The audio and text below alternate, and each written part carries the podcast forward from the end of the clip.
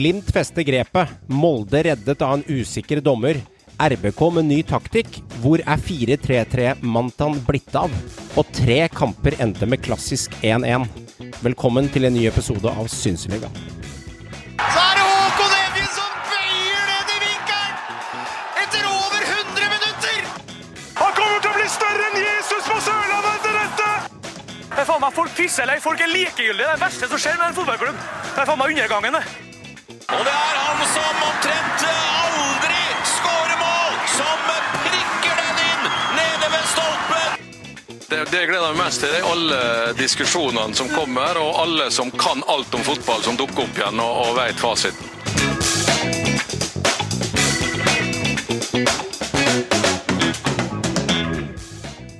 I dag er vi jo alle fire samlet, og eh, ja, Håvard. Endelig tilbake. To uker siden sist. Jeg hører at du er litt snufsete i bakkant. Eh, Har du dratt på deg en type sånn derre ekstra firedagers på skogen? Da blir det en firedagers med snufs eh, uka etter? Jeg har dratt på meg en snue. Er det ikke det det heter? Er det snue? Snue. Ja. Nei, jeg er blitt jævlig forkjøla, rett og slett. Eh, det er vel en kombinasjon av ferdsel i skog og mark og litt for tynn sovepose samt eh, mye smitte fra barnehage og diverse. Så eh, det er mye som går. Det er i hvert fall ikke noe korona, for det var to negative tester. Men det er ganske kake her jeg sitter. Men vi får jo prøve å fullføre for det. Vi er vel alltid på jobb, er vi ikke det? Jo, litt sånn eh, eh, halvdøv stemme. Litt alltid på jobb til slutt. Litt sånn der Ja da, vi er her igjen Ja uken etter. Ja da. Her Vi får er levere. Vi får levere noe. Må levere noe. Joakim, eh, valgresultatet har begynt å sige inn i sjela di. Har du begynt å se noen endringer allerede? Eller, eh, eller eh, er det litt sånn at eh, hipp som happ om det blir rød-grønt eller motsatt? Altså, poenget er at det er samme regjering ennå, da, så er det ikke noe endring. Ja, Det blir jo endring etter hvert da, når du begynner å gjøre noe og skrike og holde på. Ja, nei, Det er fordelen med Norge. det vet du. Det, vi får litt forskjell. Ja. Og så går det meste som før. Det er ikke så kjempe... Så har vi det ganske så bra uansett. Man har det ganske greit i Norge uansett hvem som styrer og leder. Det er jo fordelen med å bo i et eh, velfungerende demokrati, i motsetning til mange andre saker. Ja, ja du bor i det enkelte andre land, så er det sånn her du- Du våkner opp en dag og har wealth i livet ditt, og så er valget over, så bare Shit, alt er borte! Det er liksom hvis du bor i- Ja, det er litt sånn. Det er litt sånn i andre land. Nå mista jeg alt, liksom. Det er bra. Det er fint i Norge. Du Ameran, hvordan den siste uka har vært? Nei, den har vært veldig fin. Eh, full trøkk på jobb og fin helg. Så alt i alt eh, Ja. En helg jeg slapp å være deprimert for et tap. Vi, vi spilte ikke. Så alt i alt har vært en flott uke Ja. eh, for meg. Du blei jo litt deprimert av tap på fredag, Meran. Ja, det er sant. I sjuende. Vi ble pissa på mot Mjøndalen. Det, det, den sitter ennå. Og, og det Men, eh, ta en liten eh, shout-out til Vegard Hansen på MIF3. Som med lyskestrek. Herlig. Men han, de 20 minuttene han holdt seg, eller hva det var for noe, Han var god. Han var så god. var han, så var han faktisk fortsatt god. Jeg må si det. Han, eh, han styrte midtbanen til MIF3. Og var faktisk overraskende god. Eh, han må, skal få den. Så eh, vi blei latterliggjort og pissa på på hjemmebane, og det var faktisk pinlig. Men eh, sånn er det. Da er vi ikke gode nok. Så enkelt er det. Rett og slett. Det er vel tegn, Joakim, på at vi er i et demokrati, og at vi har det ekstremt bra i Norge, når ordet deprimert blir brukt på resultatet på fredag, når vi alle veit at deprimert er en tilstand du får fra en legen din, men taper man en fotballkamp i sjuende, så blir det ordet brukt. Da har du det bra i Norge. Ja, Da var du veldig bokstavelig, da. Men ja. Ja, jeg ser den. Og så må du huske på at det fins ikke, det ikke noe land med flere deprimerte enn land hvor folk har det bra. Nei. I andre land, så, for I andre land har man ikke tid til å være det, fordi da er du mest Så- opptatt av å få mat på bordet. Ja, liksom. faen. Vi Og da, du klarer jo ikke å tenke på det. ikke sant? Da, du klarer jo ikke å tenke på din mentale helse når du sliter med å spise. Det er bare å se på statistikkene det nå, gutta. Når mm. pandemien roer seg, hvor mange som kommer til å slite mentalt. Det Den lista her blir sinnssykt Det er bare Det å er se på statistikken før pandemien. Det også, det har det er- ikke vært så mye fokus på, men nå kommer det fokus på det, og da er de tallene skyhøye, tror jeg. Ja. De kan bli røffe, men uh, vi skal Men de er ikke Stabæk-supportere. Vi har det heller ikke så enkelt om dagen. Dere har det jo stort sett uh, hatt det Ja, Stabæk har hatt det ganske bra de siste åra. Men uh, klart de som Ja, allerede ligger i bånn av Eliteserien der, og hatt det litt røft de siste åra, de kjenner kanskje mindre på det enn deg, Meran, som, som har et Stabæk-lag som kommer fra åttendeplasser år etter år etter år. I år er det røft. To, to deilige år har det vært. Men sånn er det. Bak suksess så kommer ofte motgang, og det er eh, da vi får se hvem som er menn og hvem som er barn. Og enn så lenge så er det en barnehage. Angående menn og barn og hele greia. Lillestrøm eh, 3-2 borte mot Odd.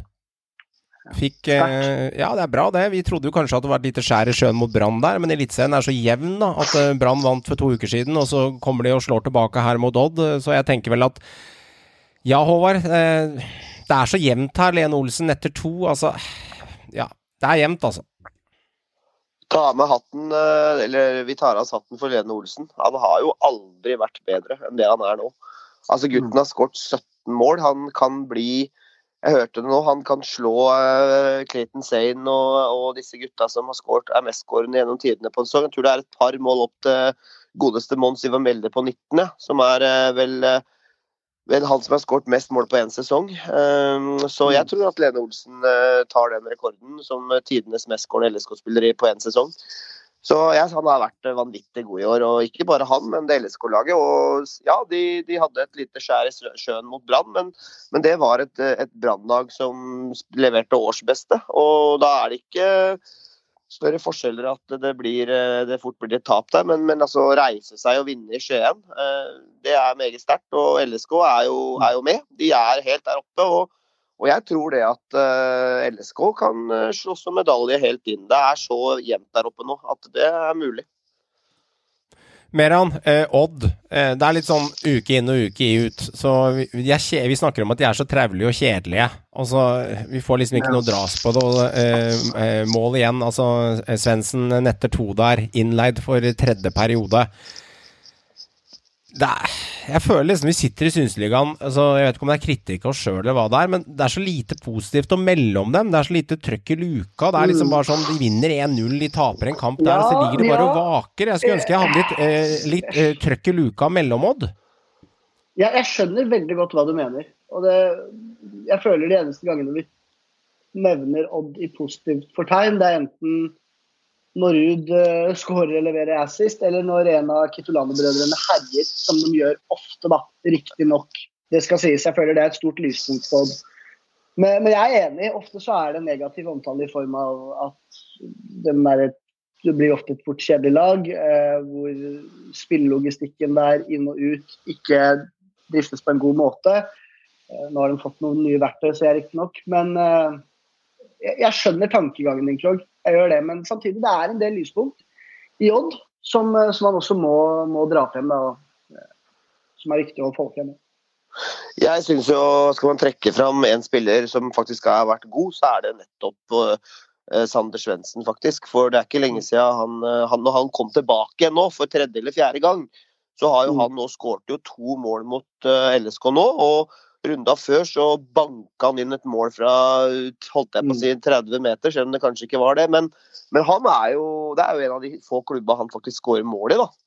Eh, så Sander Svendsen har jo vært en veldig god match, og han sier han føler seg skikkelig hjemme der og ville jo sterkt tilbake. Og de klarte jo å få landa han, han tilbake på, på, lån, og det kan jo hende at det er eh, en type som altså det blir permanent overgang. og Så er det jo men det er grått og kjedelig, det Odd-laget. Det er ikke noe tvil om det sier hver eneste gang. Og, og, det er jo det også. Det er et lag som mm. kommer til å være på nedre halvdel, kanskje litt rundt midten, men litt under der, tror jeg. Men, uh, men Sander Svendsen syns jeg har levert en god sesong. Det er et lite, han har et lite positivt lys i det laget. Men så er det jo også gjerne sånn at det er litt pga. at laget ligger der det ligger, og har ligget der det har ligget hele året også det er liksom ikke det samme å prate om uh, lagene som ligger midt på tabellen og taper og vinner uavgjort og går litt fram og tilbake. Hvor liksom, Det skjer liksom ikke noe spenstig, i hvert fall ikke i år. Hvor vi har den der uh, rekka med lag på toppen som slåss om medaljer, og du har denne nedrykkskampen i bånn. Så er det klart at de lagene som ligger midt på tabellen, da, som på en måte leverer litt ut og inn, hvis du i tillegg da spiller litt rett og slett kjip fotball, for de gjorde det så enkelt er bare, de spilte litt kjip fotball, altså det var kjedelig å se på. Da da er det ikke så mye å snakke om, da, føler jeg. Det er litt sånn der, Hvorfor bruker vi tid på dette, gutta, når vi har så mye ja. annet å snakke om? Fordi det laget er jo de er, de er kjedelige, rett og slett. Ja. Uh, og, og fader meg for uh, et fyrverkeri av en liga vi får nå uh, mot slutten av sesongen. Det, det, er jo fader meg tettere i Det har aldri vært så jevnt i både topp og bunn som det er nå. Det, er, altså, det blir et race uten like fram til jul holdt jeg på å si. Sier jo det hvert eneste år nesten, at det aldri har vært jevnere. Jeg syns det er sånn Ja. klassisk Nei, men nå er jo det faktisk. Nå er det jo faen meg Det har aldri vært jevnere. Ja, jeg, jeg syns jo nesten det blir sånn klassisk 1-1 4000 om termos, og neste kåten fra Synseligaen på disse her capsene som du skal produsere i skjul, Håvard, det blir Det har nesten aldri vært jevnere. Det blir liksom Ja, sist- men, men, ja, jeg, jeg, jeg har muligens sikkert sagt det før, men nå er det jo helt Ja, men det sier vi hele tida. Men jeg skjønner hva du mener. Eh, Men angående hjem, da. Meran-kondomer kommer snart også. Siden dere nevner termos og produkter du skal lage. Da skal jeg lage dong. Ja, okay, Da skal jeg ha dong med ansiktet mitt på. hvis vi får enormt mye henvendelser på de dongene, så kanskje vi kan produsere, Ja. men jeg tror det blir få mer. Han. Alle sammen, spør etter dong. Meran-dong. Oh Men, men Joakim, er det så jevnt er, er det så jevnt, eh, Joakim, at, eh, at eh, Lillestrøm kan kapre medalje? Altså, kan det skje? Ja, det kan de jo. Eh, jeg var, det var ikke så bare et par runder siden vi snakket sammen nå, hvor jeg sa det at jeg, jeg anså Lillestrøm som en eh, konkurrent om bronseplassen, vel å merke. Jeg mener fremdeles at eh, Glimt og Molde er bedre og mer jevne enn alle de andre lagene, og de to kommer til å ta de to plassene. Mm. Men eh, selv om nå er det blitt jevnere, og begge de to lagene har vist svakhetstegn, eh, så, så mener jeg fremdeles det at de er bedre, men den tredjeplassen den er ganske åpen. Det eneste som er altså ankeret mot det, da, det er ett lag, og det er klart det er uh, Rosenborg. Eh, rett og slett fordi at Rosenborg er Rosenborg og har nå fått liksom litt ordentlig piff i beina og begynner å virke som et eh, ordentlig topplag. Og da kommer litt den erfaringen og det inn da mot slutten av sesongen. Um, så det er nok det store ankepunktet. Men uh, i forhold til Kristiansund og de, altså de lagene vi trodde skulle være der, eller som er jo for så vidt der, da, Viking og Enga, så er ikke LSK noe dårligere. Da er det nesten tvert om, syns jeg. Altså, LSK har vist seg bedre enn både Viking og Vålerenga, og til dels også Kristiansund i år. Ja, Hva tar vi Kristiansund, da? Det er laget som bare skal være med og delta på lottokupongen. Og går det som det går, og så er vi glad for å være med i det gode selskap. Så det er jo enormt det de leverer, Håvard. Pelle er ikke der i år, men uh, Sander så er det søren meg oppe og uh, tuller til i toppen der. Og de leverer en helt enorm sesong. Nesten litt underprata versus at så mange målpoeng med Amal er borte òg. Jeg er enig. Altså, men nå, nå har de jo faktisk til og med, de skjønner jo det nå, at nå må vi faktisk begynne å tørre å prate om medalje. Det er ikke Nå lurt. må vi kan, Det, nå kan vi ikke, kan vi ja, men nå kan vi De ikke begynne å snakke da, om det at vi Jo, det er mulig, men jeg syns det, det begynner å snu litt. da. Det er ikke bare den der å det er så gøy å delta, og vi syns det er moro å spille med de store og spise kirsebær. Nå, nå begynner det- den pipa begynner å snu litt. Begynner å snakke litt grann om at det er faktisk mulig å ta medalje her. og og det laget skal du fader ikke kimse av. Det, det Nei, laget der. det, Det, det er en dark horse til å ta den medaljen. Eh, Og de ligger foran LSK, de ligger foran Rosenborg. De ligger nå per dags dato på tredjeplass. Ja. Så jeg, vi skal virkelig ta KBK på alvor. Eh, Det, det skal vi absolutt gjøre. Og eh, nei, jeg, jeg, en del av meg tror ikke at de klarer det. Men, eh, men de kommer til å være med helt inn, de også. Jeg tror, jeg tror mer på de enn LSK. Faktisk gjør jeg det. Men det skal sies da at jeg mista jo litt respekt da for KBK sist, da når jeg skjønte at KBK var et såpass stort sted som det faktisk var. Da Kristiansund eh, altså når, når, folk begynner å snakke om 24 000 mennesker, så er det ikke liksom hva de snakker om. Da. Det, er jo, det, er jo, Men- det er jo en by på anselig størrelse, hvor Men, de eh, snakker om å være Det er Ullevål, da. Er dere Det jo snakker om? flere- Det er- Men, men folkens, folk bare der liksom. Hva faen? men, men, men vi snakker om at det er en sånn kjempeby nå, den er bare litt på spissen. Men Lie, Ja, ja, ja, ja. Lie kommune, der hvor jeg bor eh, og jobber, er 30 000, liksom. Knapt nesten Ja. det. Så, så det er større enn Kristiansund. Og vi eh, har vel et lag i, i, i fjerde div, er vel høyest i hele kommunen Ja, der, så det sier jo litt. Men, men Det er det jeg trodde det var på 8000 mennesker. ja, du bomma grovt der. Det gjorde du. Jeg skal ta selvkritikk på den. Det er helt Ja. OK. Vestlandsgeografien min er ikke like Mm. Den er ikke like Ja, det er jo sånn. Vi fikk jo litt Det er litt morsomt dette her når du sitter med Insta-kontoen og svarer folk, da. Og Har vi levert strålende episoder, så får vi noen få tilbakemeldinger. Eh, har dere gjort noe morsomt nå, så får dere få tilbakemeldinger. Når det kommer faktafeil om steder i Norge, eller antall mennesker, eller en spiller sier noe rart eller et eller annet har skjedd, så kommer det eh, enormt med eh, innboksmeldinger på meldinger. Så det viser at vi mennesker er veldig opptatt av å påpeke feil eh, og irritasjon hele tiden. Og dette her går igjen uke etter uke. Så jeg husker en gang jeg var en av oss som nevnte en spiller med én ordlyd feil, og da fikk vi liksom åtte meldinger på at han uttales sånn. Men når en av dere kom med et kjemperesonnement i, forbindelse med fotballag, så var det stille som graven. Så vi mennesker er skrudd sammen litt sånn. Folk er enkle, og vi elsker å rette på at andre tar feil. Ja, ja. Det ja. Men det er litt morsomt å se det. At når jeg sitter og ser på det, at det har det skjedd noe norsk egenskap. det. Ja, det er sånn, Ja, det er sånn, er- ur, de det er sånn urnorsk jantelov-ting. Det er litt artig. Men vi fikk litt påpek pga. den der Kristiansund-tingen med antall eh, innbyggere. Og det var noen som skrev til meg en lang avhandling om eh, hvor det ligger en på kartet, og det er ikke måte på. Nå må vi skjerpe oss, og det var artig. Men sånn er det. Det er morsomt det at folk melder litt, så eh, vi må ta det med et smil. Den tåler vi. Ja, ja, ja, Men vi. korrigerte den vel strengt talt i poden direkte rett etterpå. Vi gjorde jo det. Jeg Jeg sa jo, jeg sa jo med en gang at vi bomma litt der, Joakim. Det er faktisk nesten 25 K mann der. Så, men det, det er liksom sånn folk er skrudd sammen. Og så det er litt artig òg, da. Folk må nå melde og smelle litt. Det er herlig, det. Og angående å melde og smelle litt, eh, Pelle han eh, viste i hvert fall at eh, etter det herlige brassesparket han gjorde, at han skulle henge opp drakta han og klinke til og feire. Og så var det litt selvfølgelig herlig, og han viser et statement der. Og så syns jeg eh, Amal har den fine egenskapen at han faktisk eh, svarer reporteren med en gang at eh, det holder han privat, men så viser det seg at han eh, uttaler seg etterpå at det hadde skjedd noe i familien der som eh, gjør at eh, han, han trengte litt eh, Få ut litt energi og følelser mer, han. Ja, og det, det er sterkt. Det er sterkt når du får høre det du fikk høre i ettertid, så tenker du Shit, hvordan hadde du krefter til å spille kamp i det hele tatt? Eh, I det hele tatt reise til stadion, gå inn i garderoben. Det tenker jeg, da. Eh, så det er Det er sterkt, og, og det kommer av en ganske stor mann, eh, mener jeg, da. Amal er eh, en herlig person og en herlig målskårer. Og en viktig person for Glimt også. Så det, det Men at han i det hele tatt møtte opp til kampen, det overraska meg. Det viser hvor sterk han er.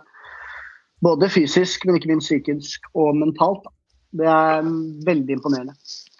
Jeg er helt enig med han. Det er, det, er, det er rett og slett imponerende. Han er et forbilde uh, på mange mange måter, Amo Pellegrino. Mm. Og en Synseliga-venn. Det er vi glad for. Eh, men for å ta det sportslige, så har jo han vært en knallsuksess for Glimt. Han har jo nesten skåret mål i hver eneste kamp, uh, både i Mm. Eliteserien og i Europa. Så det har vært en ekstremt eh, viktig eh, signering for Glimt. eh, Og det kan også potensielt være en eh, gullsignering, for nå igjen er Glimt på toppen av tabellen. Og det er en kruttsterk seier i Stavanger med 3-1. Ja. Og nå er de faktisk begynt å ligne mer og mer på det Glimt-laget fra i fjor. Jeg så de spilte i Europa i midtuka. De pissa på Soria Luhansk. De Og man, tenker, og man, tenker, man tenker kanskje at det er et dårlig lag. Det laget endte på tredjeplass i ukrainsk liga, og de slo Leicester i gruppespillet i fjor. Så det her er eh, ikke noe drittlag. Det er et bra kvalitetslag fra en ganske bra liga. Og Glimt var totalt overlegen i andre omgang der. Så Mm. eh, det Glimt-laget det blir et race helt inn, og, og jeg ser egentlig bare Molde som kan eh, stoppe dem. Ja, du tror kanskje kan- Bodø-Glimt eh, kan dra seg Jeg tror de kan vinne. Ja. Jeg tror de kan vinne igjen. Ja, ja, vinner skjønner jeg, men i, gruppe, i gruppespill Ja. også tror du de kan gjøre Ja. litt storeslem der og komme videre òg? Det, det, det tror jeg faktisk. For det, det, det de viste i Europa, jeg så hele kampen, det var jævlig imponerende. Det, det var Glimt-fotball, Mm. altså. Det var, de var tilbake. De har vært litt sånn bob-bob i kvaliken. Halta seg litt videre mot litt sånn halvveis smak motstand. Men nå var de tilbake eh, og spilte meget bra. Og nå er det jo CSK Sofia nå eh, på torsdag, borte. Spennende å se hvordan de gjør det der. Og så neste, neste runde, da, så er det jo en godbit. Da kommer jo se Mourinho og Roma på besøk til Aspmyra. Mm. Ja, det er herlig. Det er kult da, at det faktisk kan være litt sånn dark horse i hele greiene. For vi har, jeg føler kanskje at Glimt er litt underprata. Lite oppmerksomhet i Europa, i media også. Akkurat som hadde vært Molde og Rosenborg som hadde vært der, så hadde vært skrevet faktisk nesten mer om. Jeg er litt uenig jeg har ganske, ganske mye om det, altså. Eh, Det Ja, jeg kjenner, bra, jeg, ja, vi har godt godt være Ja, men men- jeg kjenner motsatt, altså. Ja, ja, men eh, nå, har, nå så ikke du kampen heller, sånn sett, men Nei, men jeg ser medieoppslaga. Jeg ser jo hva som ja, kommer jeg etterpå. Jeg syns det har vært eh, bra dekt, egentlig. Jeg syns de er på, men selvfølgelig, dette er jo ikke Champions League, det er Conference League. Men nivået i Conference League, og det har flere eksperter også tatt opp, at eh, nivået der er, er bedre enn mange kanskje har trodd. Og, og, og, og den økonomiske Mm. biten er heller ikke så gæren som, som folk kanskje frykta. Og, og sånn, Det er på, på langt nær noe B, noe B eh, Europa og Europaliga. Det er ganske OK nivå på mange av lagene. Selv om det selvfølgelig er noen litt sånne halvveis bob-bob-lag der også. Men, men mye gode lag, og, og sterkt hvis Glimt går videre fra den gruppa her, altså. Jeg er for så vidt helt enig med så mange, annet enn at det er jo en B-europaliga. For det er de lagene som ikke har noe med Europaliga å gjøre, de havner i Conference League. Så B-europaliga, det er det. Jo da, men, Men- det er Men kvalitet ja, også. Joakim. Ja, ja, det er klart. Altså, Det er skal- jo Roma de blant skal annet møte også. Roma liksom. Altså, det er ikke, det er ikke drittlag i Conference League. Det er det ikke. Det er, eh, det er lag fra alle de store ligaene, det er det. Men, eh, men det er selvfølgelig, som du sier, det er dårlige lag der også. Det er det. Ja. Uh, altså, spennene er mye større. Ja. Men uh, det er klart at det som er hovedpoenget der, som jeg egentlig skulle nevne, er jo det grunnen til at jeg tror ganske mange har den der at Glimt har liksom ikke spilt uh, på samme måte i år som i fjor i Eliteserien. De har vært gode, men nå har liksom vært mer sånn der liksom decent uh, topplag, liksom. Vært med resten. Og da tror jeg liksom, altså, når du er et lag som Glimt, da, så faller du gjerne litt av uh, når det kommer til medier og lignende, kontra sånn som Molde og Rosenborg og sånt. Da faller man liksom litt av den derre det er det, Du blir ikke like tatt mye tak i, for du herjer ikke lenger, ikke sant. Men Altså, det- det hvis de nå får et godt resultat til, da skal du se at det begynner å ta seg opp. fordi da begynner man å lukte på nettopp det vi er inne på her. Da, da lukter man plutselig på oi, er det avansement, liksom? Kan man komme seg videre til utslagsrunde? Og da kommer det til å ta seg, ta seg opp. og Du, det er nesten urettferdig å sammenligne med det laget i fjor, for det var jo helt umenneskelig Ja, ja, ja. det, de, det blir- det de leverte da. Men, det, altså, men, altså, men altså, det de gjør nå, altså, det er ekstremt sterkt. De leder altså Det det. serien igjen. Og de er blitt ribba med alle tre poengplukkerne pluss plus flere siden i fjor. Og, og igjen så leder de serien, og det er elleve runder igjen, eller hva det er for noe. Så det er, eh, nei, det er imponerende det de gjør i nord, altså. Absolutt. Det er helt vanvittig Det bra. er det.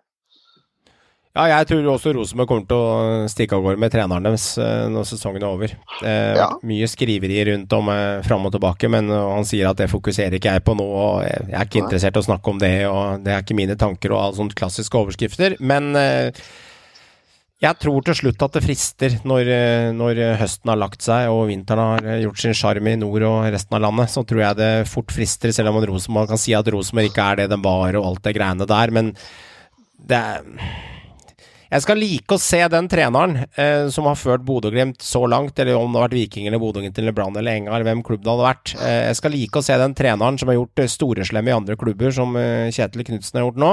Og så kommer Rosenborg på banen, som på papiret, fra all history, er sett på som er eh, the big shit å trene. Det er det i gammel historisk nostalgi i hjernen på veldig mange. Jeg skal like å se han si nei når han har muligheten, med alle rådførerne rundt seg, og si at nei, jeg tar ikke den, jeg skal være her i en liten klubb som Bodø-Glimt er i norsk sammenheng normalt. Ikke de siste årene, så er de jo store, men normalt så ligger de jo ikke der de ligger. Og dette her vil i hierarki hierarkiet, i hvert fall som Glimt er, de, sannsynligvis så vil de jekkes ned etter hvert over tid, for jeg tror ikke de klarer å levere et resultat i over x antall år.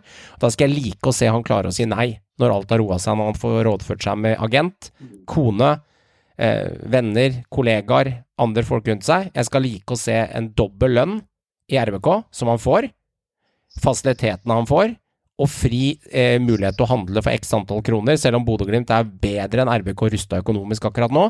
Jeg skal like å se han si nei. Nå har one shot. Og så har det mye å Det si også, eh, når han ser den stallen som RBK faktisk har nå, Ja. kontra den stallen som var der bare ved seriestart og, og langt ut i sesong. Det har blitt henta inn mye spennende unggutter. Eh, Du har også noen der som var der fra før av, som Seid og Tagseth osv. Altså, det er en del kvalitet der nå. Og det er en eh, mer ungdomslinje. Det er utviklingsbare spillere med stort potensial. Noe som passer Kjetil Knutsen veldig, veldig godt. Så det er på en måte litt rigga for at han skal komme inn. Og jeg tror også at den økonomiske gevinsten De klarer ikke å strekke seg til det nivået i, i, i Bodø. Selv om jeg tror de kommer til å strekke seg veldig veldig langt. Og det vil være et nederlag hvis Kjetil Knutsen går til RBK. Det tror jeg det vil være på mange måter. Eh, men jeg tror også det er gode sjanser for at han faktisk ender opp i RBK. Det tror jeg. Jeg tror det. Eh, Jeg, jeg tror det eneste som kan ta det vekk fra han, det er hvis han eventuelt får tilbud fra utlandet. et sted. Ja, det, Ja, og det kan skje. Og det kan skje. Det kan skje. Det kan skje. Og det kan skje. I år Mm. kommer seg videre fra gruppa og Ja. I, havne på en andre- eller førsteplass igjen i Eliteserien enda et år til, så kan det Da kan man få et tilbud fra en eller annen utenlandsklubb. som om. Og da er det selvfølgelig at eh, Da tror jeg sannsynligheten er stor for at det er der han havner. For da er det lettere å svelge for både han og Glimt Ja, ja. og mange andre involverte. Så det tror jeg er en mulighet. Men ellers er jeg helt enig i at eh, det lukter Rosenborg lang vei. Så vi er, er vi Smeran også enige her? Er, er vi fire av fire syns dere enige om at han handler i Rosenborg fra 1.1.2022? Det, Går vi for det, er det? en del, det, er en del, det er en del av meg som også tror han har så kjærlighet til Glimt. Og, og for det som vi ikke skal glemme, at eh, dette her var da Jo, jo, men dette her var da en trener som fikk sparken i Åsane, altså. Ja, ja. Som da var vurdert å legge opp som trener. Og så ble tatt inn i varmen i Bodø og Glimt, og fått tillit. Og nå er da Norges hotteste trener i Eliteserien.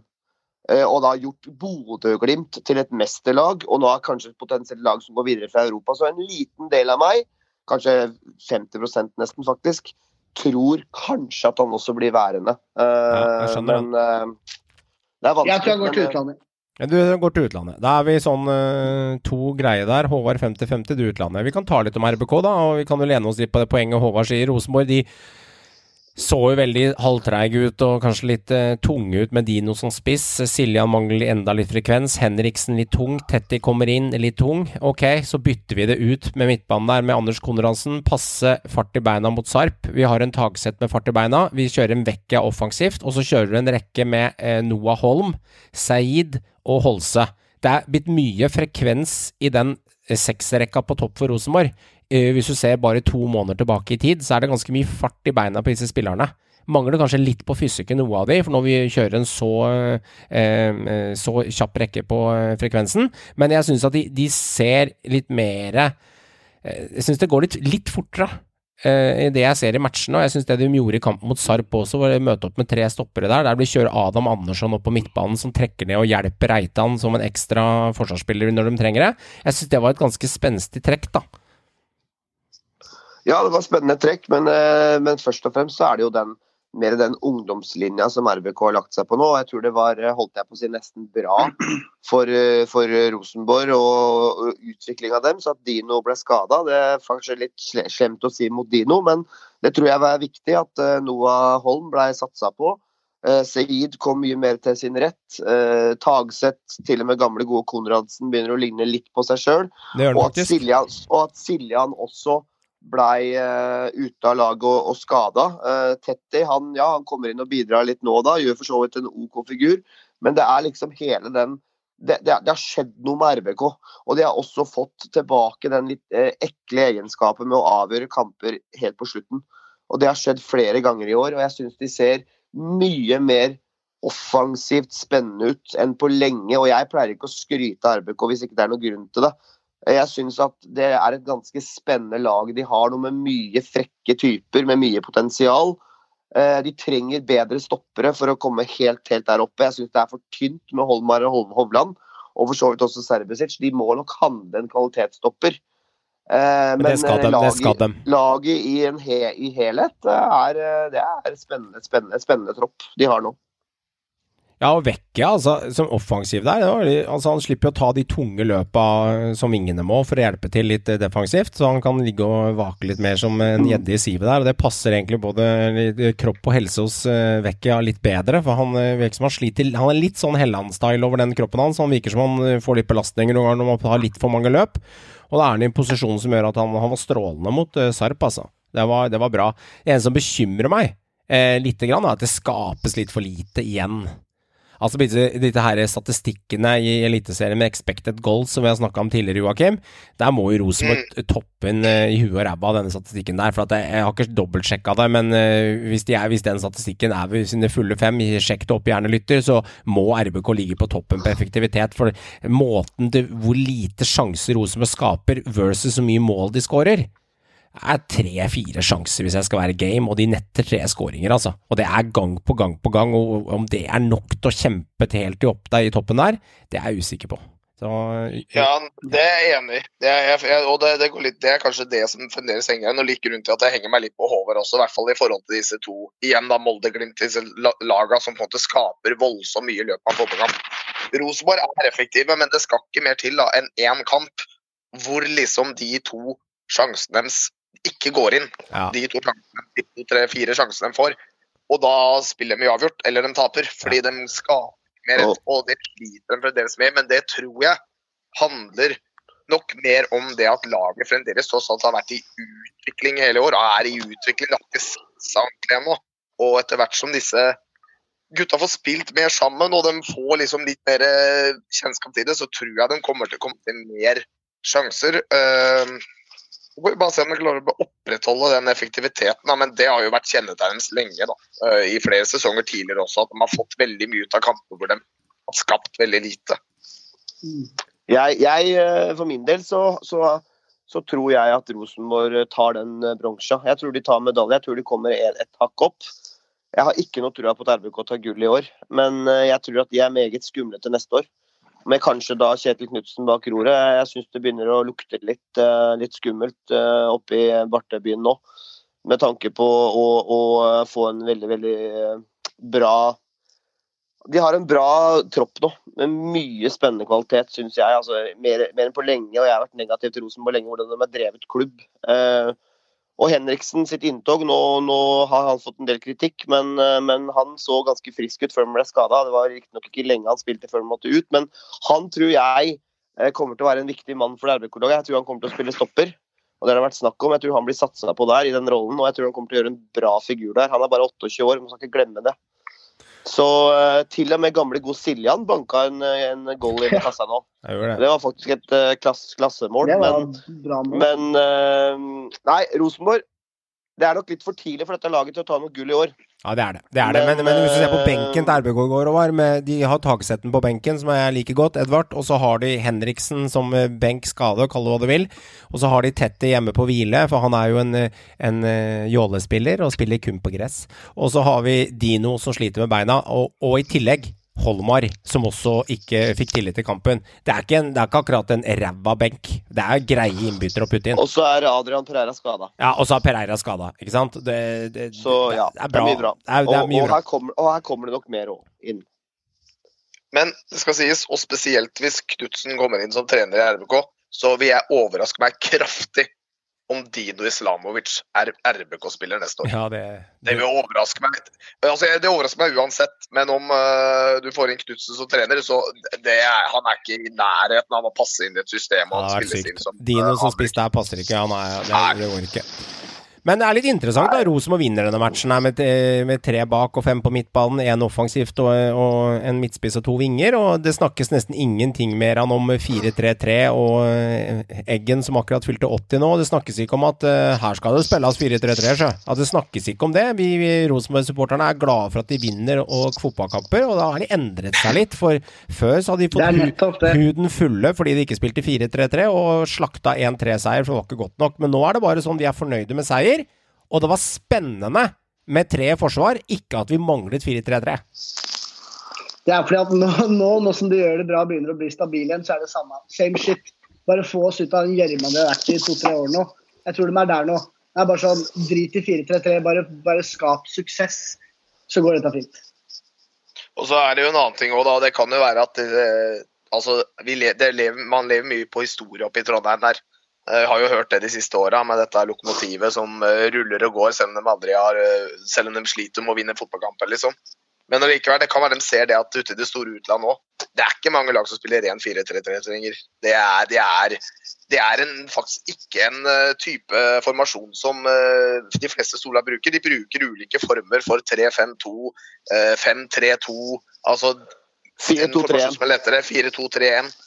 Så ikke sant? Det er nok det at man ser det at eh, det er faktisk litt gammeldags Være i en 4-3-3. Det, det er ikke måten å være topplag på lenger. Jeg tror helt ærlig at eh, til og med den innerste kjernen i RBK-fansen begynner å forstå at det faktisk vi må kanskje tenke litt annerledes eh, skal RBK komme seg tilbake på toppen. eh, Og det tror jeg også ledelsen har skjønt. At det er ikke så, eh, så krav om, om at eh, det var det som på mange måter altså, felte Horneland. Nå tror jeg han var for liten for den jobben uansett, på mange måter. Men det skulle presses inn i et system som ikke han var komfortabel eh, i. Og du ser, og husker jo alle åssen det gikk. Så, eh, og Åge, Åge han har heller aldri sagt at han skulle kjøre noe, noe 4-3-3. Han eh, har sagt at han kommer til å variere. Og, og gamle ringreven Åge han ser nesten litt mer sånn glad ut igjen nå. Litt sånn uh, Kanskje han blir? ser- Kanskje han blir? Ser, ser ut som han ikke hater å være RBK-trener, og til og med står og jubler litt etter seire. Og, Ja, og og og koser seg litt nå med jobben sin, eh, Åge. Og ikke drømmer bare om Argentina, som han har sagt han skal besøke til neste år når han er ferdig. Så det er litt gøy å se da, at eh, han gamle og gode Åge Fridtjof er litt for blid og fornøyd igjen. Har Åge begynt å komme med reisetips, er det det du sier? Ja. Åge, Åge har sagt at han skal Det er eneste planen han har i 2022. Han skal ta Argentina og se River Plate Boca Juniors. Det har han eh, bestemt seg for. Det er syk kamp også, vel å merke. Så han, eh, han, han er, skal bli pensjonist og dra på fotballreiser neste år. Kult. Liker det. Liker det. Vålerenga de fikk, eh, har fått en god del kritikk, og spiller uavgjort og taper igjen og vinner igjen og en ny uavgjort med han, så ender du på 7. og 8. plass. Men eh, vi hadde kanskje forventa at Molde skulle knekke dem med denne matchen her, da. Men det er jo ofte sånn, da. Eh, Vålerenga veit jo aldri mer. De kunne fort ha vunnet, kunne fort ha tapt, men vi sitter igjen med følelse av at uh, Molde mister en touch av terreng, i hvert fall jeg sitter med følelse av. Og så litt grann tvilsom straffesituasjon her, som det er en god del delte meninger om. Ja, ja jeg er enig. Jeg, jeg syns fokuset var altfor mye på Vålerenga og straffesituasjon. Jeg syns Molde var direkte svake, om jeg kan si det sånn. Eh, De rota det bort i går, og vi var inne på det for noen podcaster siden at eh, Molde er så solide at eh, det her går bra. Men hvis de fortsetter sånn som de gjør i går, da, eller som de gjorde i går, og for så vidt et par-tre uker siden, så, så stikker Glimt fra. For Glimt har kommet for å bli noe, føler jeg. Så hadde jeg vært Molde, så hadde jeg vært skuffa over prestasjonen i går. Og så ville jeg satt meg i hardtrening, fordi de bør helst ikke miste så mange flere poeng nå ut året. Nei, men det er ikke lett å Samme åssen for, form Enga er i, det er ikke lett å vinne på en tillit. Eh, og, og Molde, i hvert fall det jeg så, så var de nærmest seieren med tanke på sjanser. Ja, de får et billig straffespark. Det, det gjør de, det syns jeg. Jeg syns det var billig. Selv om det er kontakt, så syns jeg det var billig. Eh, men de skaper mye sjanser, Molde, og eh, jeg tror Enga nesten er litt heldig som klarer uavgjort. Ja, altså. Så for i, I mitt hue er Molde fortsatt favoritter. Jeg syns de er den sterkeste stallen. Martin Ellingsen har kommet inn på en ekstremt bra måte. De trengte å finne en erstatter for Aursnes, og det ser ut som de har funnet eh, For han har kommet tilbake på en måte i grevens tid og blitt skadefri og levert veldig bra nå, Martin Ellingsen. Så, så for min del så, så er han eh, ekstremt viktig sammen med Etsas Hussein der. Og så, så har de jo OI, da. Hallo, 20 mål. Han skårer ikke i går, men det er 20 goller, liksom. Det er enormt. Så eh, for meg, selv om de ikke leder serien, så er Molde fortsatt favoritter. Det som, det er litt, jeg syns det er litt problematisk, ikke problematisk, men jeg synes det er litt eh, Det viser litt problemet med Enga òg, er det at det ble så stor sak. fordi greit nok, jeg kan si med henne at det er billig, men nå, det ble sett på i ettertid. eh, både dommerne har sett på i ettertid. Han er klinkende klar. Riktig avgjørelse. Det blir sett på av eh, Ja, det er bare Joakim. Han sier han er tvilsom. Ja, men, ja, men det blir sett på av dommersjefene. Ja, Det er- Jo da, det er kontakt. Det det er er billig, kontakt. det er kontakt, og det er forsvarsspilleren som må tenke på hvordan han løper ja. eh, og hvordan han beveger seg i straffefeltet. Det er ikke angrepsspilleren for angrepsspilleren. Altså, de går den veien de skal. Forsvarsspilleren er ansvarlig for hvor de plasserer seg og tar løpene sine. Det er klønete av Nesberg, det er det. Det er klønete, og poenget er at Men ikke sant, hovedpoenget mitt er ja, det er billig, men Fagermo syter enda. Altså Poenget er altså du har feil fokus. ja da. Det er feil fokus. De snakker som at dette er altså, det, er ikke noen, det er ikke noe som er mot dem. Det var klønete, det var dumt. Billig, greit, men det er helt OK at det ble straffe. Helt greit. Det er ingen som sier det er noe. Det er ikke noe direkte feil. Nei. Det jeg, jeg er enig i det at det er ikke direkte feil, men det er, det er noe jeg får liksom vond smak i kjeften her av. Fordi at Jeg skjønner at Fagermo syter litt. Nå bygger Eurosport en god del oppunder her, da, og kliner litt til og spør både, ø, både Eikrem og så skal Erling Moe mene noe, og han er standhaftig, og når han er standhaftig på det, så spør han Fagermo, og da er han jævlig i tvil, ikke sant? Og da er opplegg, og det blir mye greier. Men det interessante er, jeg skjønner det, og så blir det studio etterpå, full rulle og 13 repriser og sånn, vi er i gang. Men det interessante her er jo at når, når det, han, det er klønete, man kan dømme. Men hvis man skal dømme for de tinga der, da må du jo dømme for eksempelvis Dino holdes en millimeter i trøya. Når en spiss holdes lite grann på innlegget, da må du dømme for en liten holdetrøying, og ikke at det står som et skip ut fra kroppen. Da må du si 'han holdt det', og det er nok innafor feltet. Jeg dømmer Jo, straffe. Men du, Hvis men du du skal kan ikke sammenligne det her med å holde. Nei, det jeg, holde. det forstår jeg, men man sier Han at er i ubalanse, ja, ja, jeg skjønner han er i Men ubalanse, men dommeren i Eliteserien har vært søppel i flere år. Ja, men, det, er- men hør nå, hør nå han gjør eh, men, eh, eh, Søppel her er ikke poenget om han er søppel eller ikke. For han, han, jeg syns han egentlig viser litt sånn god kvalitet, han dommeren, når han er villig til på en måte å høre med linjemannen sin, gå tilbake på avgjørelsen, og det er jo sterkt Som så skjermen. Alle veit ja, men han ene han ikke så skjermen, den vi stoler på. Men jeg syns at den er så Reglene er kanskje greit, man er på vei vekk fra mål, det er en duell. Altså Nesberg er sånn totalt ikke mener å gjøre det. Jeg syns den er Jeg har vanskeligheter Skal vi følge regelboka, Joakim Rett? Men jeg har vanskeligheter liksom også Jeg syns den er jævlig streng. Men eh, ja, altså, det som er litt gøy, da, det man kan gjøre, som har vært litt, det kan være litt artig for folk som tenker hva skal du med straffe på, er hvis du tar og ser den situasjonen en gang til, Ja. og så ser du de to straffesituasjonene fra Cristiano Ronaldo i United-kampen eh, dag, eh, Ja. da, samme dag, dagen etter. ja. I går, ja, Han ble snytt for to straffer. Han ble snudd for soleklare straffer. altså Det er liksom sånn der, hvor liksom Til slutt så bare ga han opp og begynner å le, liksom. Og der har du VAR også. Ja, og der har du til og med Ja, VAR. der har du var. Der har du Så jeg er jo enig med deg, Johan. fordi altså Jeg er enig i det. Det, hadde, det er billig, ja. Men poenget er at du ser liksom her får du, her får du to virkelig to virkelig forskjellige sider av å tolke et regelverk. altså. Ja, det kan du si. helt ærlig, eh, du kan godt si at Fagermo sutrer og sånn, og sånn, men jeg syns jo han grisegutten er litt fin i går, jeg, da. Når han og Erling Moe står og kødder og ler og tuller, da ser du liksom at de har faktisk humor og litt glimt i øyet. Når, når eh, Erling Moe kommer nesten og kiler han litt på sida, bare he-he, så har du Grimen som, eh, som ler der, liksom. Og de har en sånn artig passiar på sida der med Jonas. Jonas i Eurosport. Jeg syns det var eh, festlig og litt sånn sjarm, da. At du, klarer faktisk å legge det litt til sida, ha litt humor etter kampen. Selv om det er bittert. Det må være bittert. Og det kan ha mye å si òg, det poenget kan bety noe, det. Det kan skille en medalje eller gull eller et eller annet. Er, you never know. Hva kan vi si om Enga? Eh, Er de tilbake igjen? Eh, Kommer de til å eh, Jeg syns jeg hørte en annen Fagermo etter kampen i går. Når vi klarer å spille sånn som dette her, og få ut det beste av oss selv, så syns han at de, de Han syns jo klart at Enga var det beste laget i går. Det merka jeg jo i intervjuet òg. Ja, altså, det er jo, du, du spiller jo mot en av Norges beste lag, og du, du, du er på høyde, liksom. Og, og, og, og er, er gode, ganske gode. Men, eh, men for meg eh, Jeg må bare ta en enkeltspiller nå, som, eh, som for meg er kanskje årets største flopp. Og jeg snakker ikke om Lajoni. Jeg snakker om uh, Vidar Ørn Kjartansson. Altså makan til mageplask den spissen har hatt, som nesten alle samtlige mediehus vi også nevnte vel dette her. Vi tippa han som toppskårer. Han har vel eh, knapt en fire-fem mål. Han har riktignok vært litt skada, det har han. Men før det skårte ikke mål, og har vel knapt skåret mål etter han kom tilbake. Det er nesten urettferdig for Henrik Udal, vet du, som faktisk nesten putta litt når han spilte i, Ja, i, som vikar der. Eh, som caretaker, holdt jeg på å si. Som på det er et veldig godt poeng. Og da var Enga gode òg. Jeg syns at eh, Kjartansson Hva er det som har skjedd med han? Jeg det er eh, bruddet. Han har hatt pro- problemer privat øh, og sånne ting, men altså, nå må vi begynne å levere snart. Det her er en spiller som koster penger. Han her er ikke billig. ja, Ja, ja. men- jeg si sånn jeg skjønner litt også hva Lajoni mener, for jeg, han gikk ut i media og, og sutra litt. Men poenget er at øh, jeg er litt enig med ham, for han, han blir ikke brukt på sine styrker.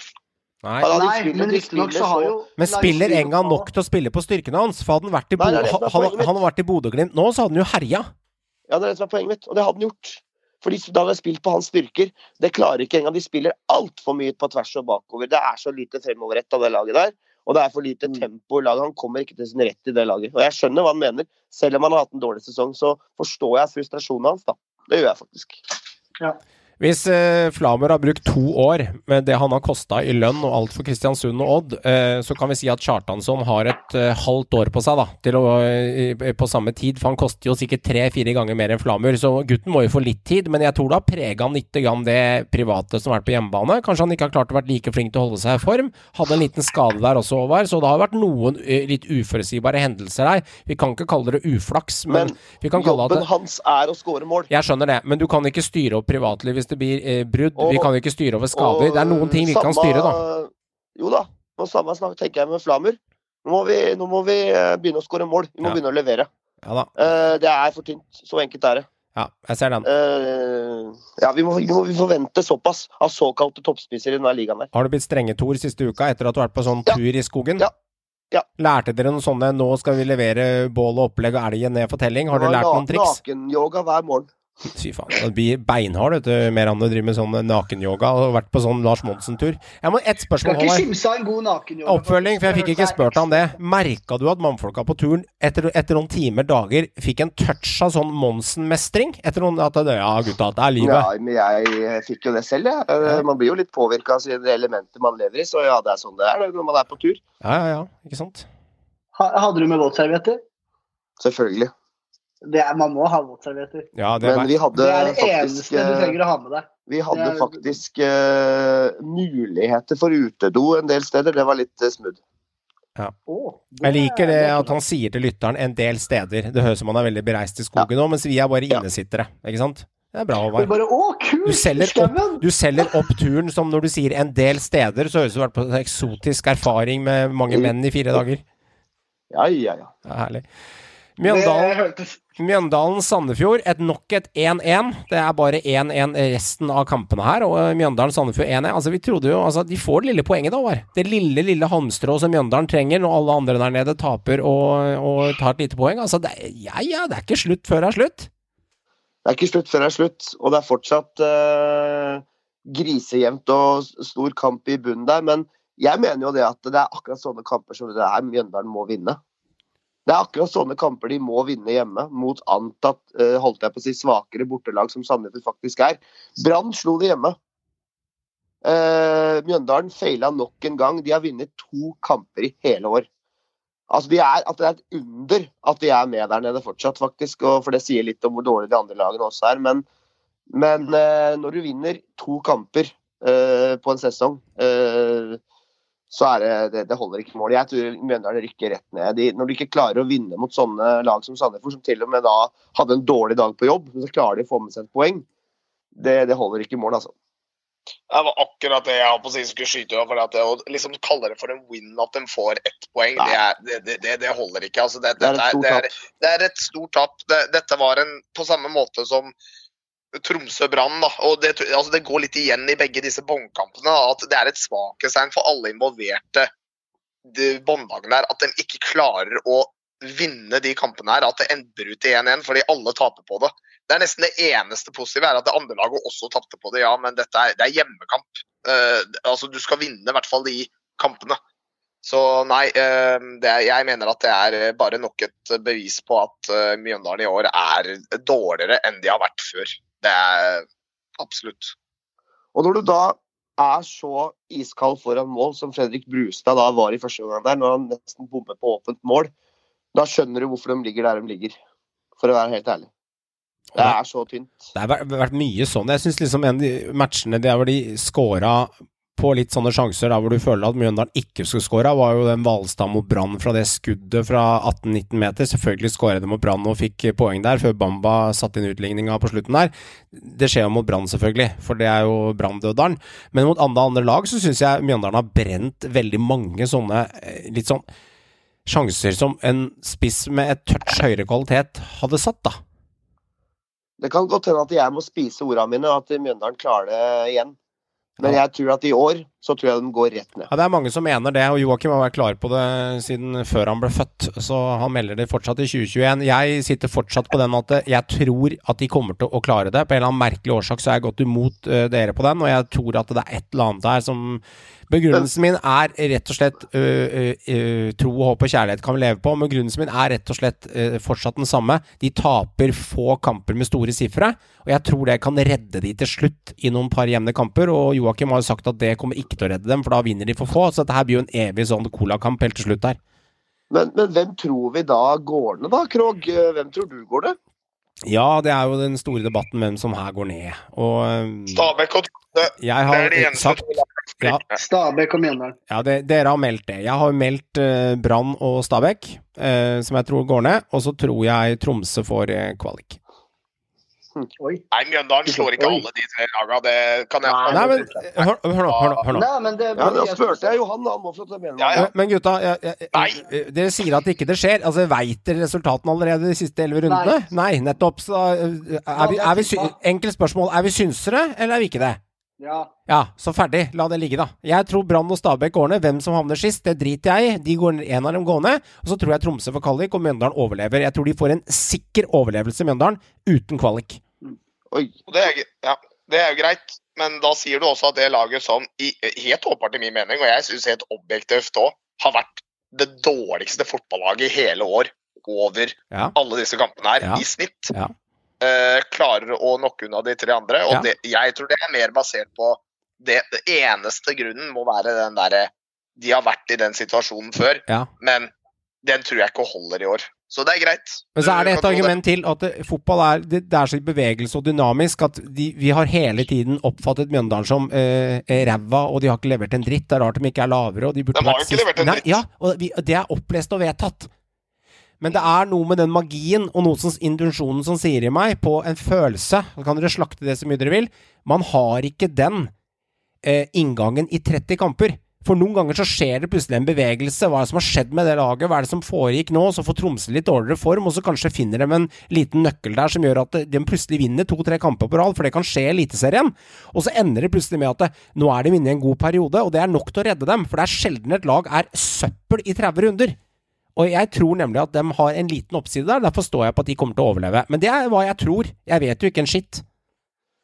Jeg tror vi på mange måter får et uh, godt svar på det du sier nå, når, eh, når eh, nettopp Brann møter Mjøndalen på uh, Konsto. og Kanskje de klarer å bryte forbannelsen med å, med å ta en trepoenger der. For det er jo eh, gratispoeng. Bare der er det gratis, ikke sant? Ja, og, og hvis Brann da slår Mjøndalen uh, der, så tror jeg spikeren definitivt er i kista til MIF. Uh, men uh, mitt eget lag Brann, som vi sikkert skal inn på snart, altså eh, Det de leverer nå for tida, det er Det, er, det har aldri vært De har ikke vært eh, så gode på lang, lang tid som de, de er nå.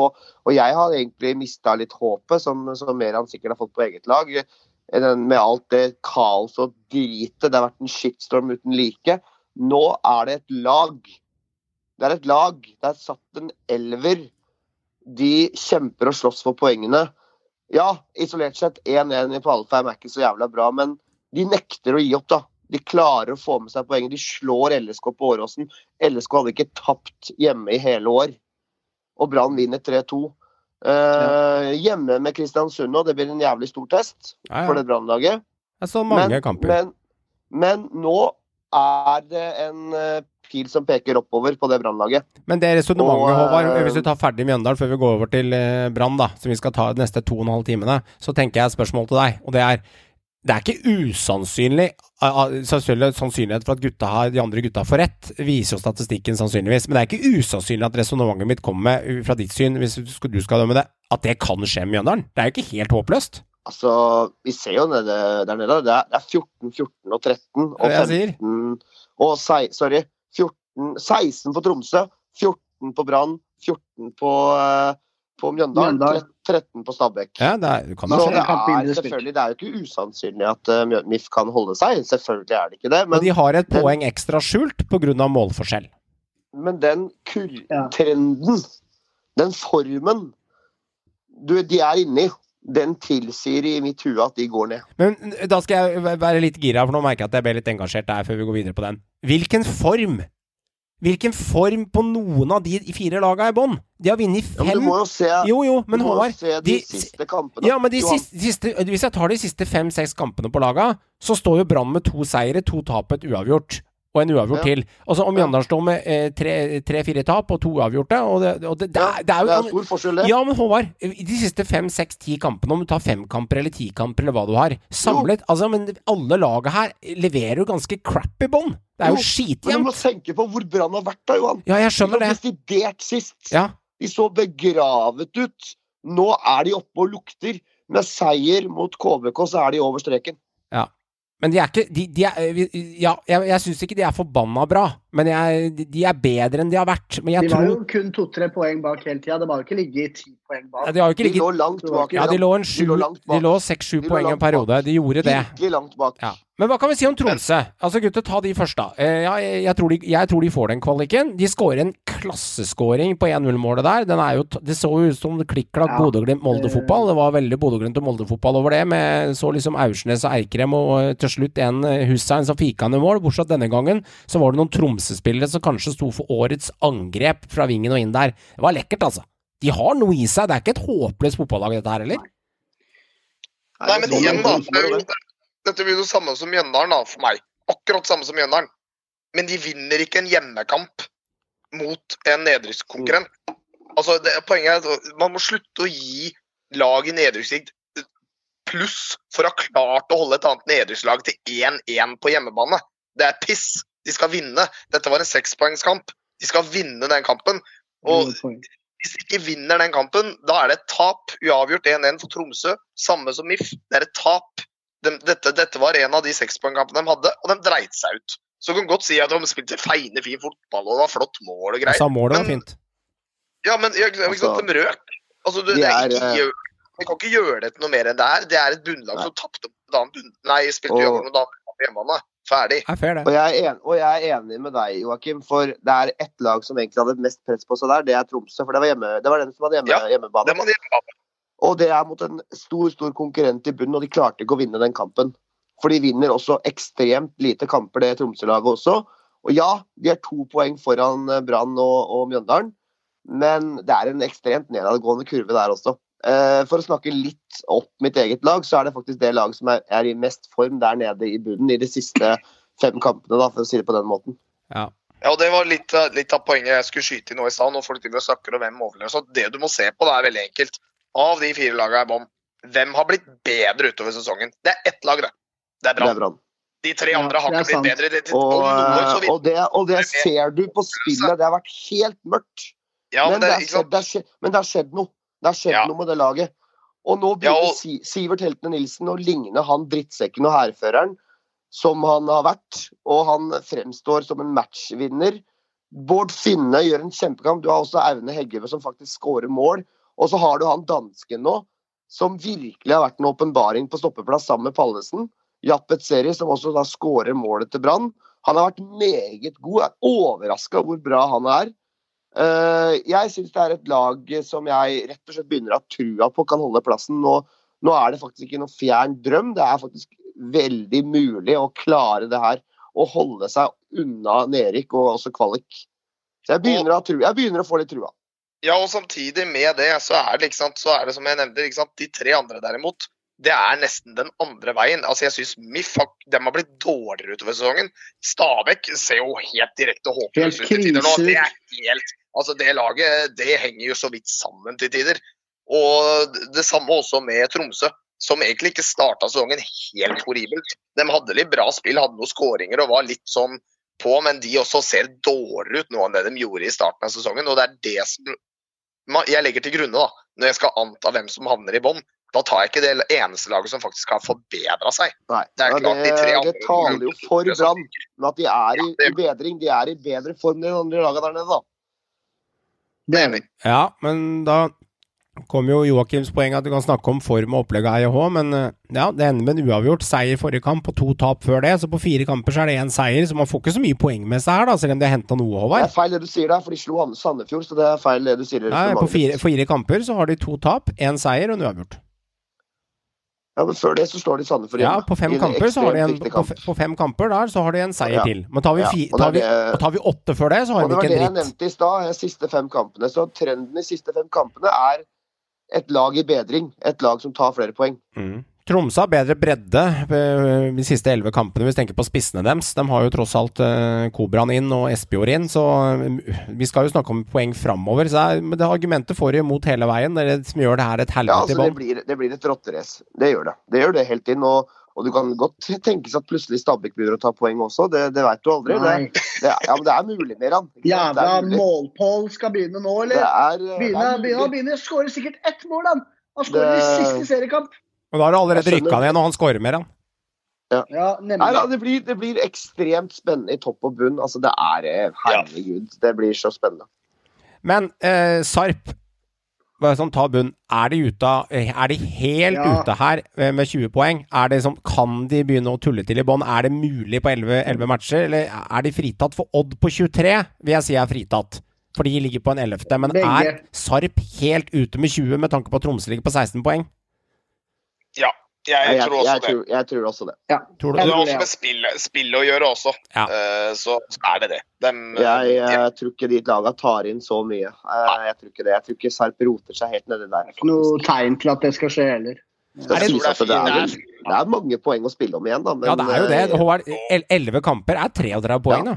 Ja, ja, ja. Det er mye. Det er mye, vet du. Jo, men lag blir ikke plutselig kjempegode lag og Nei, er vinner tre ganger kamper over natta. Altså, det er en tredjedel igjen av sesongen. Det er ikke noe grunn til å tro at de, laga som, de fire lagene i bånn nå skal ta det dobbelte av poengsummen de gjorde de, de første to tredjedelene, den siste tredjedelen. Det tror- gir jo ikke noe mening. Jeg tror det er så enkelt at de lagene som vinner de interne bunnkampene eh, Ja, de, det er de, de, de, de holder seg, liksom. Det, det, og det blir ekstremt, ekstremt viktig. Men du, Joakim, var litt deilig da, hvis vi snakker om at det er Tromsø, Mjøndalen, Brann og Stabæk som skal gjøre opp. Dvs. Si at 50% av de fire laga rykker ned. Og det er eh, 75 sjanse for enten spille kvalik eller rykke ned. Det er ett lag som går fri. Nå er det digg da for deg som godsesupporter å faktisk eh, tenke at shit, i år er vi ikke der. Nå skal du bare sitte og nyte av, som Daniel Landskog ville sagt. er Og sitte, og, sitte og se på med popkorn og ølen din og se hvem som går til helvete med her. Ja, det, er- det er eh, herlig eh, for en gangs skyld å kunne bare faktisk se litt oppover tabellen. Altså, Med hengekampen nå mot Stabæk, så er vi på A-poeng med, med VIF, liksom. Trenger ikke å stresse. Det er så sjukt, det. Og det er, sånn, er hjemmekamp mot Stabæk, så det er jo en kamp som Det er jo en kamp vi faen meg skal vinne. Altså, herregud, den må vi jo vinne. Nei, hjemmekampen er cupkampen. Uh, den Ja! som Marienlyst er cup Stemmer det. Den som er tre dager etter, Det er bortekamp, det. er på Nadderud. Stemmer det. Der er statistikken litt annerledes.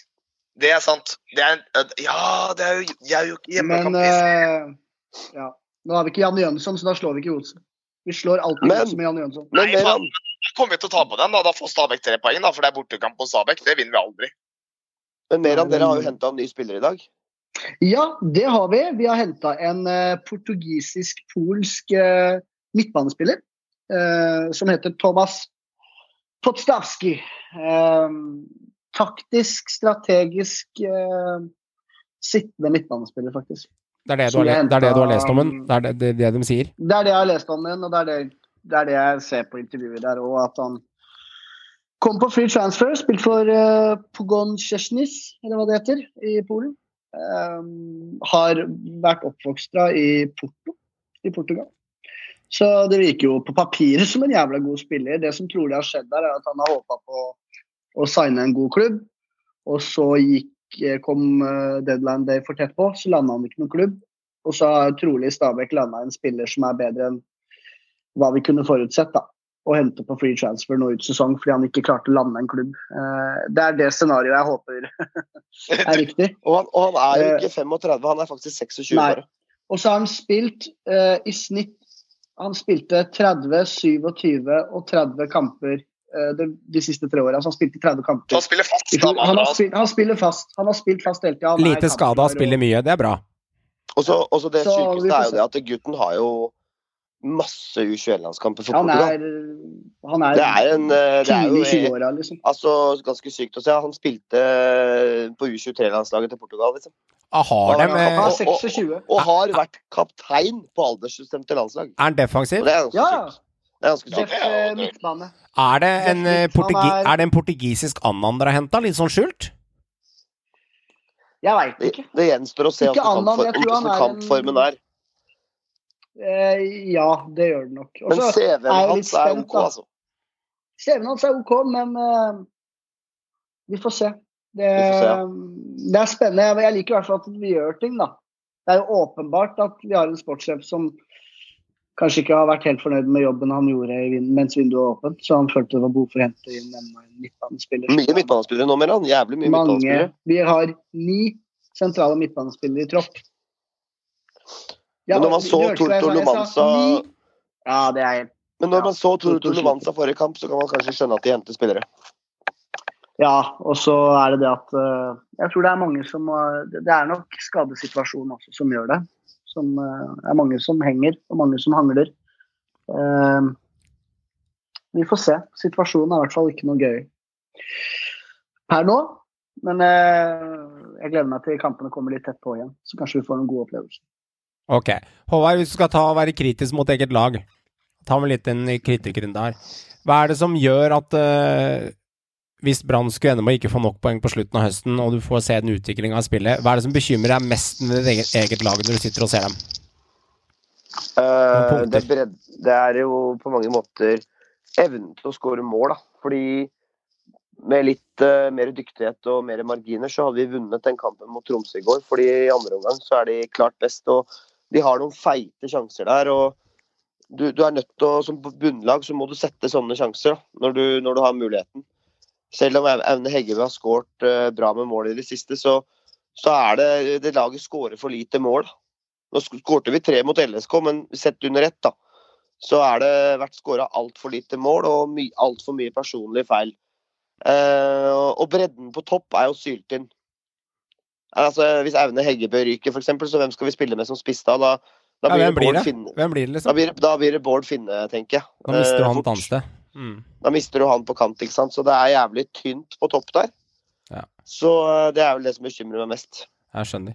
Eh, hvem er det du, som henger i en tynn tråd av spillerne der, da, som syns faktisk eh, hvis, hvis han fjernes og putter en annen spiller Det er litt å få gjort noe nå på høsten der, men er det noen du skulle sette rokeringer på, enten i taktikk eller noen spillere som ikke skulle vært i de posisjonene, som du ikke er så fornøyd med som supporter? Altså Akkurat nå syns jeg elveren som spiller er eh, det er det beste vi kan spille med. Men eh, jeg skulle egentlig ønske at Monga Simba hadde fått mer muligheter, for han har litt X-faktor. Jeg syns han har fått lite sjansen. Mm. Jeg syns han har eh, litt Han har noe ved seg. Han, han har faktisk evnen til å dra an mannen og gjøre det litt sånn Han har litt X-faktor, da, som det laget mangler. Så jeg skulle egentlig ønske at han hadde fått litt mer tillit. Men uh, virker som han er litt bak i køen hos uh, Hornland. Ja, jeg ser den. Det var en periode hvor jeg rykta litt at den skulle vekk her òg, i sommer. Ja. Fantasy, Ja, gutter. så- Gutter, Håvard, du hadde en strålende runde sist. Du fikk ikke kommentere den selv, for da lå du langt inn i elgskabben og brente bål. Men uh, du tok litt poeng på resten av gjengen. Men uh, du kan jo kommentere samlet. Uh, jeg li ligger på 51 poeng denne runden her. Håvard, du klarte å karre til deg denne runden 46. Hva tenker du nå? Det er jo langt opp til deg. Jeg har, føler jeg har parkert disse andre gutta bak meg greit. Så vidt jeg veit. Ja da, det er et stykke men, det er, men det er et lite hav opp til deg, da. Så det blir jo en du henta eh, litt, da. Forrige runde var det men, 35-40 eh, poeng. Traff, traff bra på spiss rush. Ja, veldig.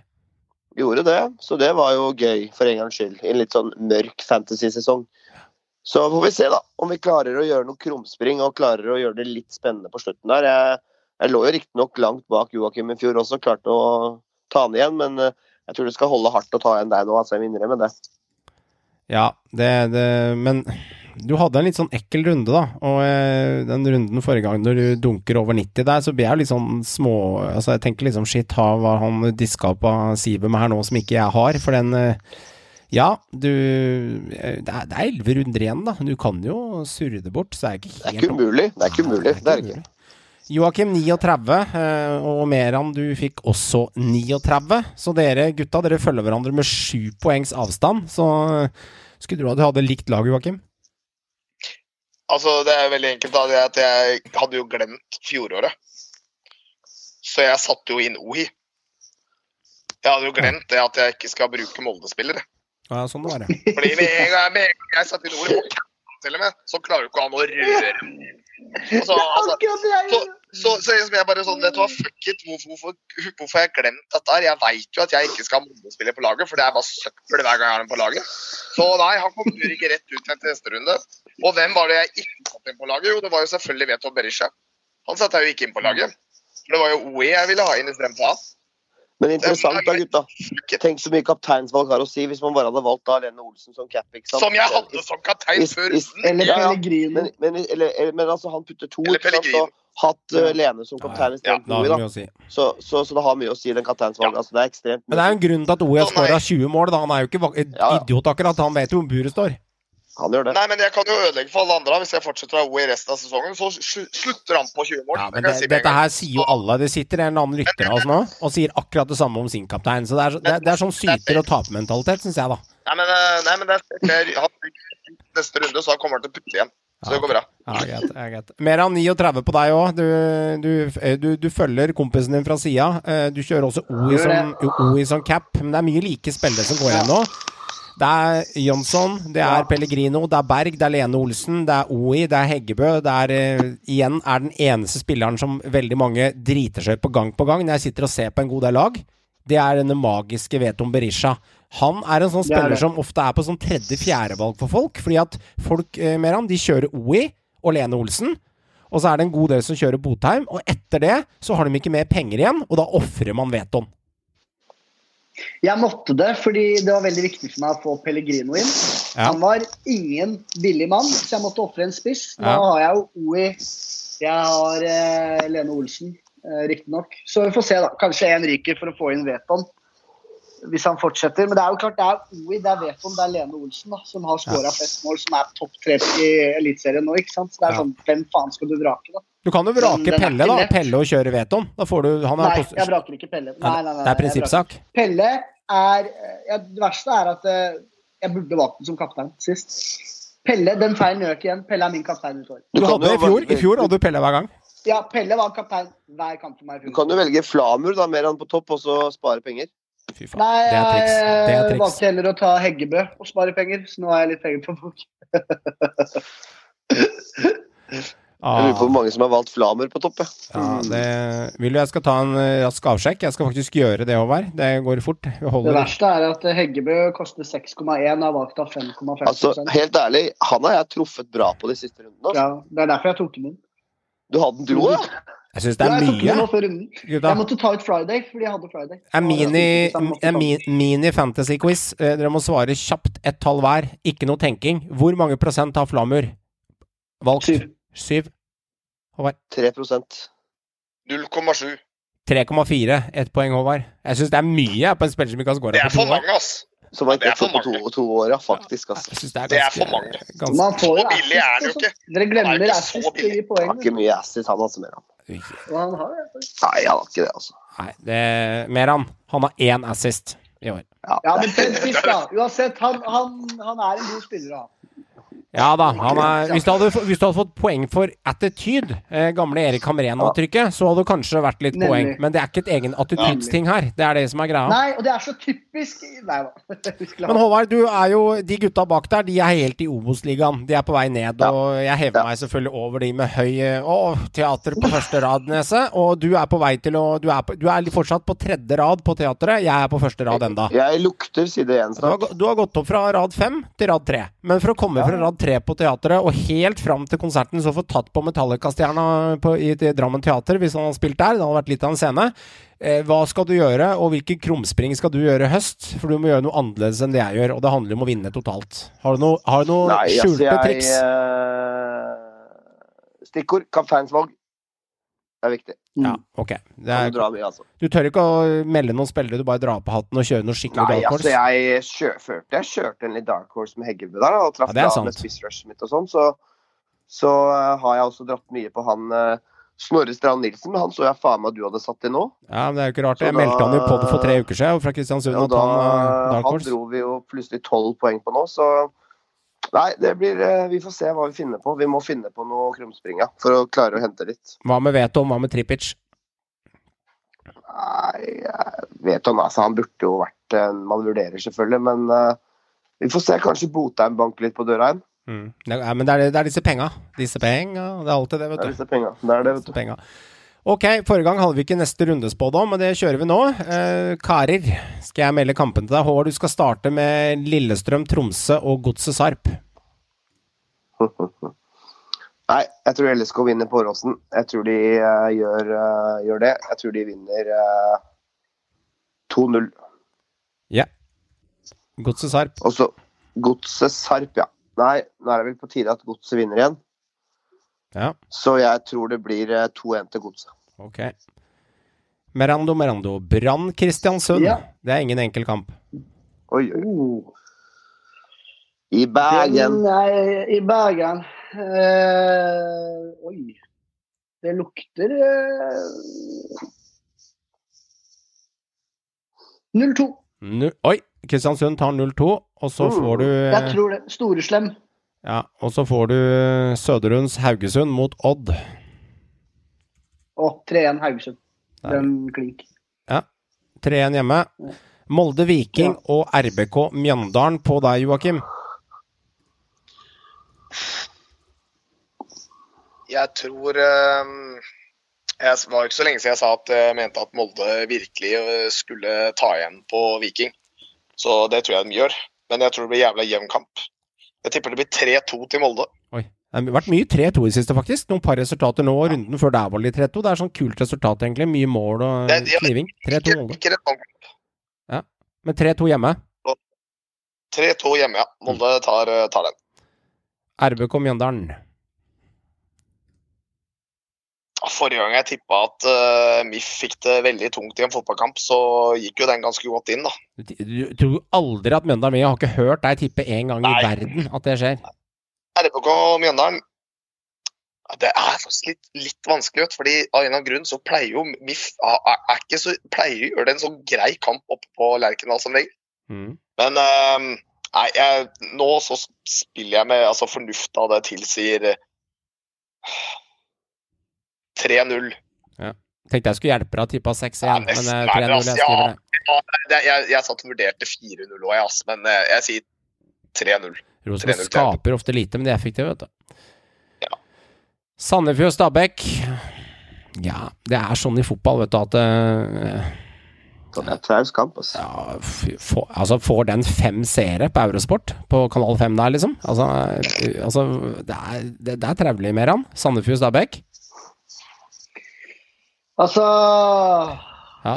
Nei, jeg har ingen kommentar til den kampen. det. Jeg som skal gi resultatet på den, men det er stusslige greier. Men jeg, jeg, Det er- det høres så stusslig ut, men uh, Sandefjord er litt Én seier på siste seks på Sandefjord, og de har fått seg litt trøkk i seilet nå. De ligger på en 25, 25 poeng, hvis ikke jeg husker helt galt der. Så eh, De skal være glad de har de seierne de har tatt litt overraskende. For hadde de hatt en to-tre mindre av de, så hadde de blanda seg lenger ned på tabellen her og ganske godt ned i gjørma.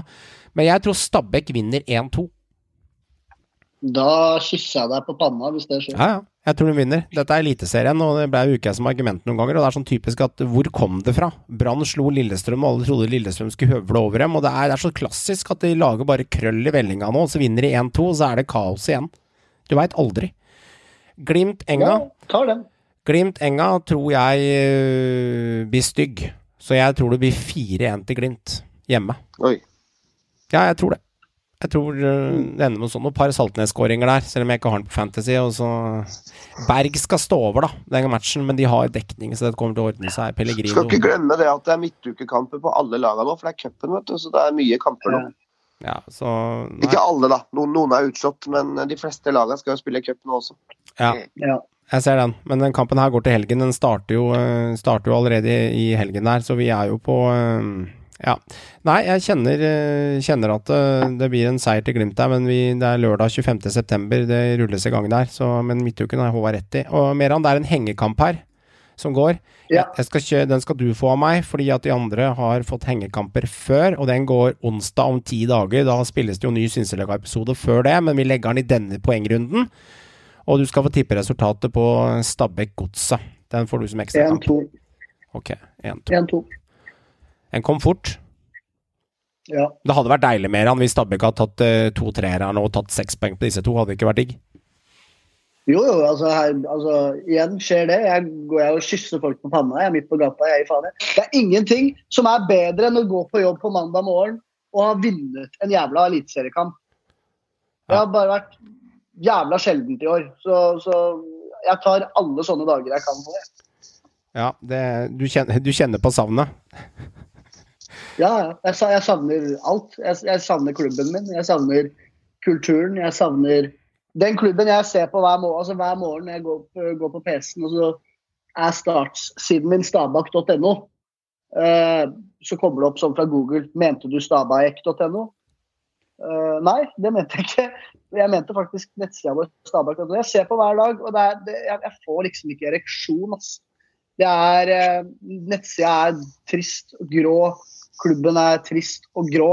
Eh, det er ingen X-faktor. Det er liksom ingen kulturbærere. Det er ingen Nei, jeg, jeg, jeg sliter med å finne ord. Så jeg tar alle positive ting. Jeg tar gledelig en seier og eller to. Jeg. Det hadde ikke vært noe mer fantastisk enn det. Det skjønner jeg. Sist de vant til fotballkamp var 8. august, så eh, ja. Ja. Ja, mot eh, Sarp 3-1. Ja. Vi hadde en konkurranse forrige gang, og vi skulle dele et Deeply-abonnement i tre måneder til den som tippet riktig, riktig mm, antall skåringer på Heggebø i løpet av årets sesong. Vi ga jo hint om at han skåra fire på rad. Han skåret da ikke fire på rad som totalsvar, det er fem skåringer som er riktig svar. Det var en ganske mange som hadde sendt inn eh, korrekt der. Det var én som bomma, faktisk. Han var sendt inn fire. Det var jo litt artig når vi sa at det ikke var fire, men eh, det var ikke, ikke bra. Men Han trodde vi løy. ja, han trodde vi prøvde en sånn little mindfuck, men eh, 99% andre traff riktig med fem var svaret. Og jeg trakk en vinner der, og vinneren er eh, Daniel Salvesen med konto 1, 2, 3, 4, 5, 6, 7, 8, 9 på, på Instagram. Så hvis han tar kontakt med meg, så skal jeg ta og linke over et uh, tremåneders abonnement av uh, Dplay på, uh, til kontoen hans. Hjertelig takk for at du lytter til Synseligaen. Du, Del gjerne episoden vår, kjære lytter, i sosiale medier. og Det er lenge siden jeg oppfordret til dette, men hvis du er fornøyd med det vi leverer i Synseligaen på karakter og tekst, så meld deg gjerne inn på Apple-podcasten vår og skriv en liten hilsen til oss der på hva du liker med Synseligaen, og gi oss gjerne noen stjerner. og Det er vel fem stjerner mer enn som gjelder, hvis vi har trofaste lyttere, er det ikke det? Fem. Fem-fem. Ja, Det blir nesten som å skrive skrev Skal vi danse, når disse her stjernene står og ø, ø, putter hendene i været og er helt desperate. Ring 55, ring 77, har du sett de greiene der når de holder på på TV? Når de viser antall fingre opp i været. Det er nesten litt sånn når man skal eh, få seg en liten femstjerners. Så ønsker jeg en glimrende god uke, og vil takke Eurosport for bruk av lydklipp i denne episoden. Gå inn på Dplay for å få tilgang til hele Eliteserien der hvor du er på tur i bilen eller hjemme i TV-kroken. Kos deg masse, så snakkes vi om en ukes tid. Hei så lenge. Så er det Håkon Evjen som bøyer ned i vinkelen! Etter over 100 minutter! Han kommer til å bli større enn Jesus på Sørlandet etter dette! Det er faen meg Folk pisser eller folk er likegyldige. Det er det verste som skjer med en fotballklubb. Det er faen meg undergangen, det. Og det er han som omtrent aldri